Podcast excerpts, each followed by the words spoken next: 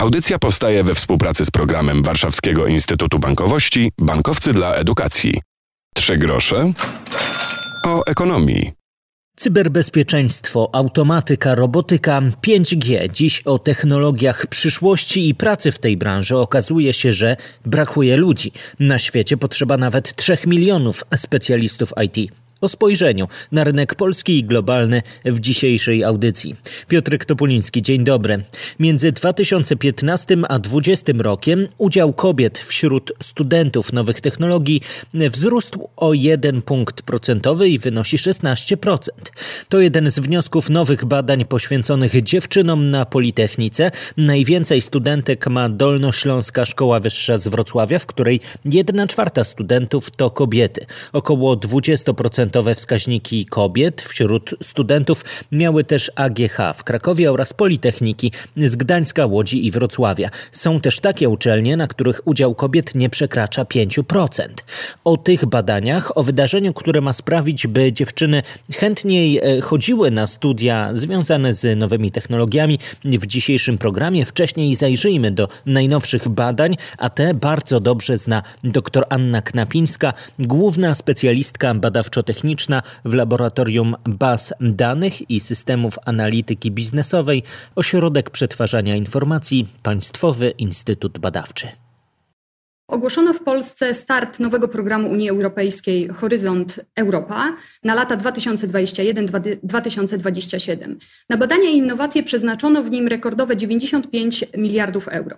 Komisja Europejska zwraca przy tym uwagę, e, że przezwyciężenie kryzysu na naszym kontynencie będzie możliwe tylko wtedy, gdy będą powstawać e, etyczne technologie, które przyniosą korzyści wszystkim, E, również e, grupom e, społecznym, które dotąd były wykluczane. Te technologie powinny być w równym stopniu tworzone przez kobiety i mężczyzn. Tymczasem okazuje się, że na całym świecie kobiety stanowią mniejszość, zdecydowaną mniejszość w obszarze nowych technologii i innowacji. W roku akademickim 2019-2020 w Polsce na uczelniach technicznych studiowało 321 tysięcy osób, czyli o 30% mniej niż w roku akademickim 2014-2015. O ile wśród wszystkich studentów kobiety stanowią prawie 60%, to na publicznych uczelniach technicznych ich udział wynosi 35%, a na kierunkach informatycznych tylko 15%. Jest to o tyle istotne, że to właśnie kierunki techniczne i informatyczne dają korzystniejsze perspektywy zawodowe y, i są lepiej płatne. Istnieje pozytywna korelacja między innowacyjnością a równością płci. Okazuje się, że te państwa, które uzyskują czołowe miejsca w europejskim rankingu innowacyjności, to są zarazem kraje, które mają bardzo dobre wyniki pod względem sytuacji kobiet w różnych obszarach życia społecznego, takich jak bezpieczeństwo, zdrowie, edukacja czy udział we władzy. Jeśli zależy nam, a wydaje nam się, że, że wszystkim nam zależy na tym, e, żeby Polska rozwijała się e, gospodarczo, a jednocześnie był to rozwój zrównoważony społecznie, to wydaje się, że trzeba zwiększać uczestnictwo kobiet e, w obszarze innowacji i nowych technologii. Za moment konkretne przykłady poznacie osoby, które już studiują cyberbezpieczeństwo i mają całkiem spore nadzieje, jeśli chodzi o pracę w tej branży. Trzy grosze o ekonomii. W audycji dzisiaj trochę szukamy studiów, bo uczelnie zapraszają do poznawania swoich ofert, a my w audycji mówimy o pracy. Ta jest choćby w cyberbezpieczeństwie. Poznajcie teraz dwie studentki, które już korzystają z tego typu ofert na różnych uczelniach w kraju. Agnieszka Galoś to studentka cyberbezpieczeństwa na Politechnice Warszawskiej i jak mówi, to co studiuje to połączenie informatyki i telekomunikacji ponieważ uczymy się przede wszystkim o tym, jak działa internet i jak e, te wszystkie warstwy, które są pokonywane między przesłaniem wiadomości z jednego końca na drugi, i warstwy fizyczne, i różnych protokołów, i e, jak działa komputer. Uczymy się o tych wszystkich pośrednich etapach. Mamy podstawy matematyki, przesyłania sygnałów, właśnie różnych protokołów. Mhm. Nie uczymy się takiego hakowania, jak sobie może pomyśleć pierwsza osoba z brzegu, tylko Właśnie. uczymy się o podstawach, które są potrzebne, żeby wiedzieć, jak to hakowanie może być przeprowadzone. Weronika Litwin studiuje za to cyberbezpieczeństwo po angielsku na Coventry University Wrocław.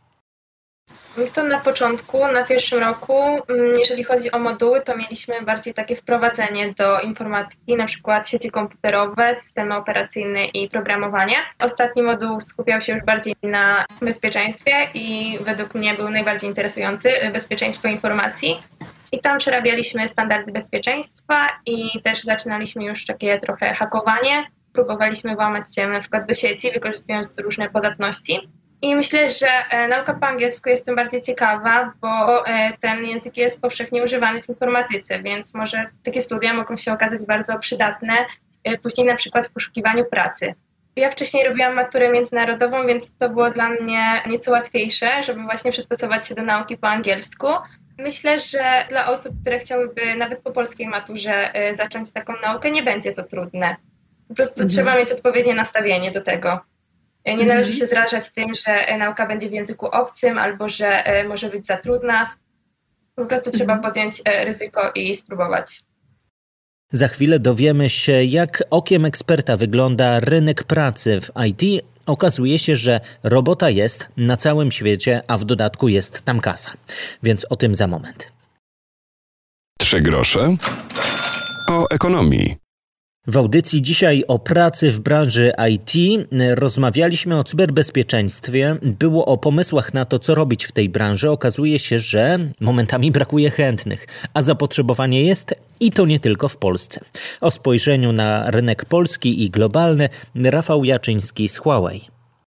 Nie chodzi o teorię, żeby wiedzieć, jak coś działa. To jest bardzo potrzebne, żeby zrozumieć. Natomiast ważne jest, żeby rozumieć, jak to się odbywa w praktyce. Ponieważ robota jest zasadniczo prosta potem. To znaczy, chodzi o to, żeby tych złych ludzi, którzy chcą tam się do nas dostać i zabrać nam nasze klejnoty rodowe, powstrzymać czyli żeby im to zajęło jak najwięcej czasu, no i żeby ten czas dobrze wykorzystać, czyli żeby zauważyć, co się dzieje w sieci i w systemach, co wcale nie jest takie proste, a jak już się zauważy, to żeby na to odpowiednio zareagować.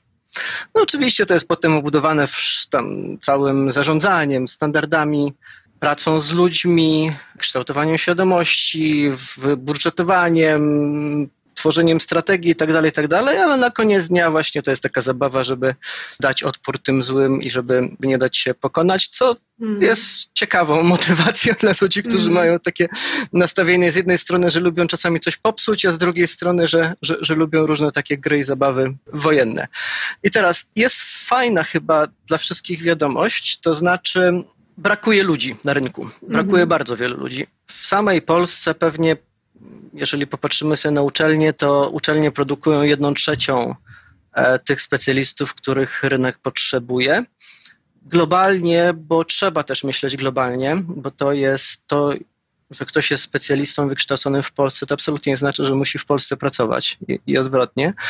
E, globalnie brakuje mniej więcej 3 milionów, 2 do 3 milionów ludzi w tej chwili na świecie i moce przerobowe, jeżeli chodzi o uczelnie techniczne, nie są w tej chwili wystarczające, żeby szybko tą, e, tą lukę zapełnić. W związku z czym e, praca jest, praca będzie, jest biznes, można sobie zrobić własny startup, można, można odpalić firmę, można pracować w, nowe, w nowej firmie, która dostarcza na przykład rozwiązania, które pozwalają albo coś wykrywać, albo coś, e, coś zabezpieczać. No i na koniec dnia to się oczywiście przekłada na pieniążki, to znaczy można całkiem nieźle zarobić a niebawem konferencja Women in Tech Days 2021 i pierwsze online'owe kobiece targi kariery w tech i IT, czyli w branży mm, związanej z tym, o czym dzisiaj mówiliśmy, w cyberbezpieczeństwie, w informatyce. Wydaje mi się, że warto się zarejestrować. 26 i 7 maja dowiecie się podczas szkoleń, warsztatów, spotkań, mm, programów mentoringowych więcej na temat y, tego, co można robić w branży IT i choć główny idealnymi adresatkami są dziewczyny, które chcielibyśmy zachęcać razem z perspektywami do tego, by korzystać z tego, co mają uczelnie w całym kraju, to i panowie, i przyszli studenci dowiedzą się więcej o tym, co się dzieje, co się zmienia w branży IT. Jak słyszeliśmy, praca jest i trzymam za Was kciuki. Trzy grosze o ekonomii to tytuł naszej audycji, to także tytuł naszego podcastu. Już teraz zachęcam Was do wpisania tego tytułu w Waszych ulubionych programach z podcastami. Co tydzień dostajecie wtedy pierwsi audycję, którą można odsłuchać w każdej chwili. Piotr Topuliński, do usłyszenia. Audycja powstaje we współpracy z programem Warszawskiego Instytutu Bankowości Bankowcy dla Edukacji.